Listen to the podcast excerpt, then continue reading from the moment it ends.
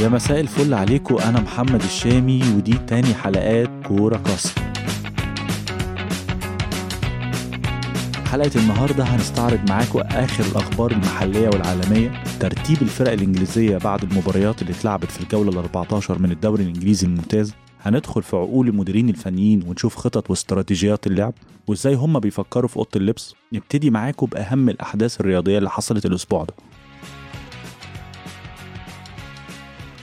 أهم خبر النهارده الخبر اللي فرح كل المصريين وكل الشعب المصري والعربي بيج رامي أو ممدوح السبيعي مستر أولمبيا لعام 2020 بطل مصري رفع اسم مصر بعيدا عن كرة القدم. بيج رامي هو أول لاعب مصري عربي وإفريقي يفوز بالبطولة الأكبر في لعبة كمال الأجسام. مش بس كده بيج رامي هو أول مصري عربي وإفريقي يجمع ما بين بطولتي مستر أولمبيا لعام 2020 وأرنولد كلاسيك لعام 2017 بيج رامي بعد ما كان مهدد بعدم المشاركة في مسابقة مستر أولمبيا بعدما أعلن إصابته بفيروس كورونا يوم 9 أكتوبر الماضي يعود له الأمل من جديد بدعوة من اللجنة المنظمة للمشاركة في مستر اولمبيا عشان يوم 2012 يحطم كل الصعوبات ويتوج على عرش اللعب عالميا ويصبح مستر اولمبيا.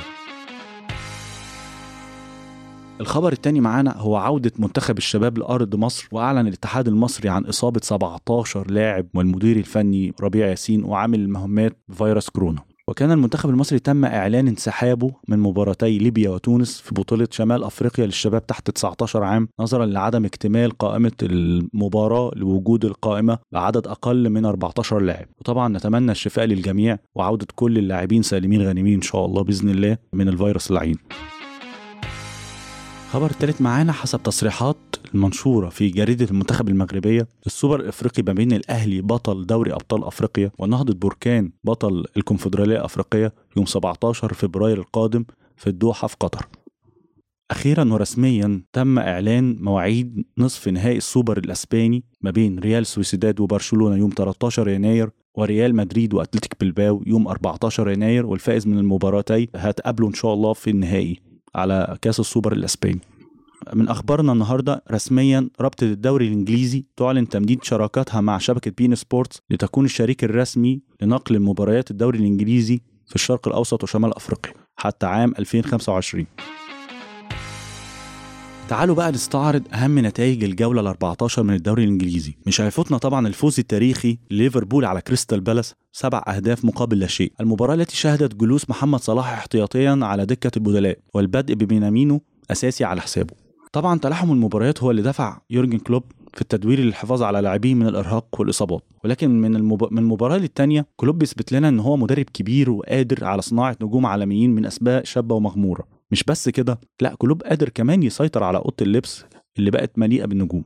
كلوب الموسم ده واجه صعوبات وتحديات كبيرة بعد غياب أهم اللاعبين تخيل فريق بيخسر أحسن مدافع في العالم وهو طبعا فيرجيل فان دايك وبعدها جوميز. مش بس كده الإصابات بتخسر ليفربول الصفقات الجديدة اللي عملها زي دييجو ألكانتارا ودييجو جوتا إصابات بالجملة. لكن مش بس كده لا كلوب كمان واجه الإصابات دي بلاعبين أصبحوا نجوم الفريق. مين كان يسمع عن حارس المرمى كيلهر اللي سد فراغ كبير بعد عدم تقديم المستوى المطلوب من أدريان في حالة غياب أليسون؟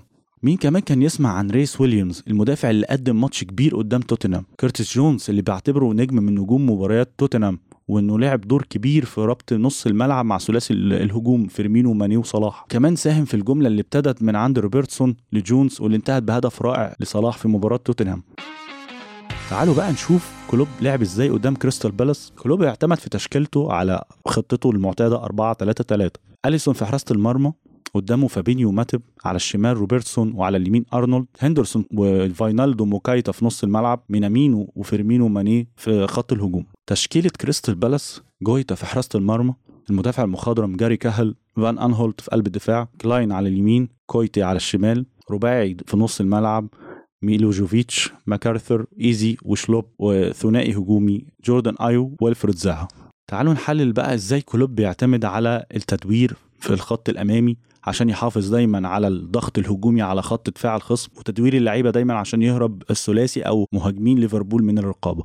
في الأول كده مفيش حد يقدر تقول عليه ثابت في مكانه استراتيجية دايما تلخبط أي خط دفاع. كلوب دايما بيعتمد على ال long pass واستلام الكور على الخطوط عشان يقدر يوسع مساحة اللعب ويحرر مهاجميه من الرقابة اللصيقة اللي بتواجهه دايما في كل الماتشات. والاعتماد دايما على لعيبة نص الملعب اللي بتربط وتكمل في الهجمة وبتيجي من تحت لفوق خالية من الرقابة. تقدر تترجم ده في جول محمد صلاح في توتنهام بعد لعبة ولا أروع ابتدت ب long pass من نص الملعب وصلت على الشمال لروبرتسون اللي بصاها بشكل رائع لجونز اللي صلحها لصلاح عشان ليفربول يحرز الجول الأول في ماتش توتنهام. فاز ليفربول بالسبعة على كريستال بالاس لأنه كان الأكثر تنظيما والاجهز فنيا وتكتيكيا على مستوى اللعب. أحرز أهداف اللقاء هدفين لفيرمينيو هدفين لصلاح بعد نزوله وهدف لكل من ماني وهندرسون ومينامينو الجولة ال 14 هي جولة عنوانها الإثارة والمتعة. مانشستر سيتي يفوز على ليدز يونايتد بست أهداف لهدفين. الحقيقة إن مانشستر يونايتد كان يقدر يخرج بنتيجة أتقل من كده. المباراة كان ممكن تنتهي ب 10 أهداف لمانشستر يونايتد في مرمى ليدز يونايتد. المباراة أبدع فيها برونو فرنانديز جيمس ماكتوميناي راشفورد ومارسيال. أحرز أهداف اللقاء هدفين لبرونو فرنانديز هدفين لماكتوميناي وهدف لجيمس وهدف لليندلوف وسجل أهداف ليدز يونايتد دالاس وكوبر. أنا شايف إن حارس مرمى ليدز يونايتد ميزلر كان واحد من نجوم المباراة. مستغرب ليه؟ أيوه هو فعلا واحد من نجوم المباراة. ليه؟ لأن ميزلر على الرغم إنه دخل فيه ست أهداف إنه منع ثمان أهداف محققة. المانشستر يونايتد كانت ممكن تعقد وتكبر نتيجة الماتش أكتر من كده. وده لسببين. أول سبب هو سذاجة الرباعي الدفاعي اللي بيلعب قدام ميزلر في ليدز يونايتد والسبب الثاني جنون مارسيلو بيلسا المدير الفني لليدز يونايتد اللي بيلعب دايما على الهجوم الكاسح كشف خط دفاعه ونص ملعبه. ما بيعملش دايما حساب اللعيبة اللي عندها قدرات فنية عالية خصوصا في الهجمات المرتدة زي راشفورد وماكتوميناي وبرونو فرنانديز ومارسيال. الثقة الزايدة لمارسيلو بيلسا أدت إلى استقبال فريقه لست أهداف وكانت نتيجة كبيرة جدا وأفقدت فريقه الثقة في آخر ربع ساعة. تعالوا بقى نكمل معاكم باقي نتائج الماتشات اللي اتلعبت من الجولة 14 في الدوري الإنجليزي. فوز مانشستر سيتي خارج أرضه على ساوثهامبتون بهدف لا شيء أحرزه ستيرلينج ب assist كيفن دي بروين.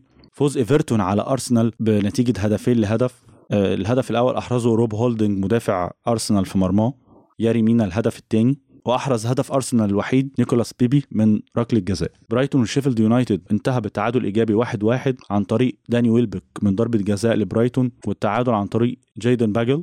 مباراة نيوكاسل وفولهام اللي انتهت بالتعادل الايجابي 1-1 واحد واحد أحرز هدف نيوكاسل كالوم ويلسون من ضربة جزاء وأحرز هدف فولهام آه مات آه ريتشي من هدف في مرماه سبيرز توتنهام وليستر سيتي وانتهت بخسارة توتنهام 2-0 لصالح ليستر سيتي. أحرز أهداف في المباراة. جيمي فاردي وتوبي ألدرفيلد لاعب توتنهام في مرماه. مباراة ويست بروميتش وأستون فيلا اللي انتهت بفوز أستون فيلا ثلاث أهداف لا شيء. أحرز أهداف أستون فيلا. أنور الغازي هدفين. بيرتراند تراوري هدف لأستون فيلا. تستكمل باقي الجولة بمباراتي بيرنلي وولفرهامبتون وتشيلسي ووست هام.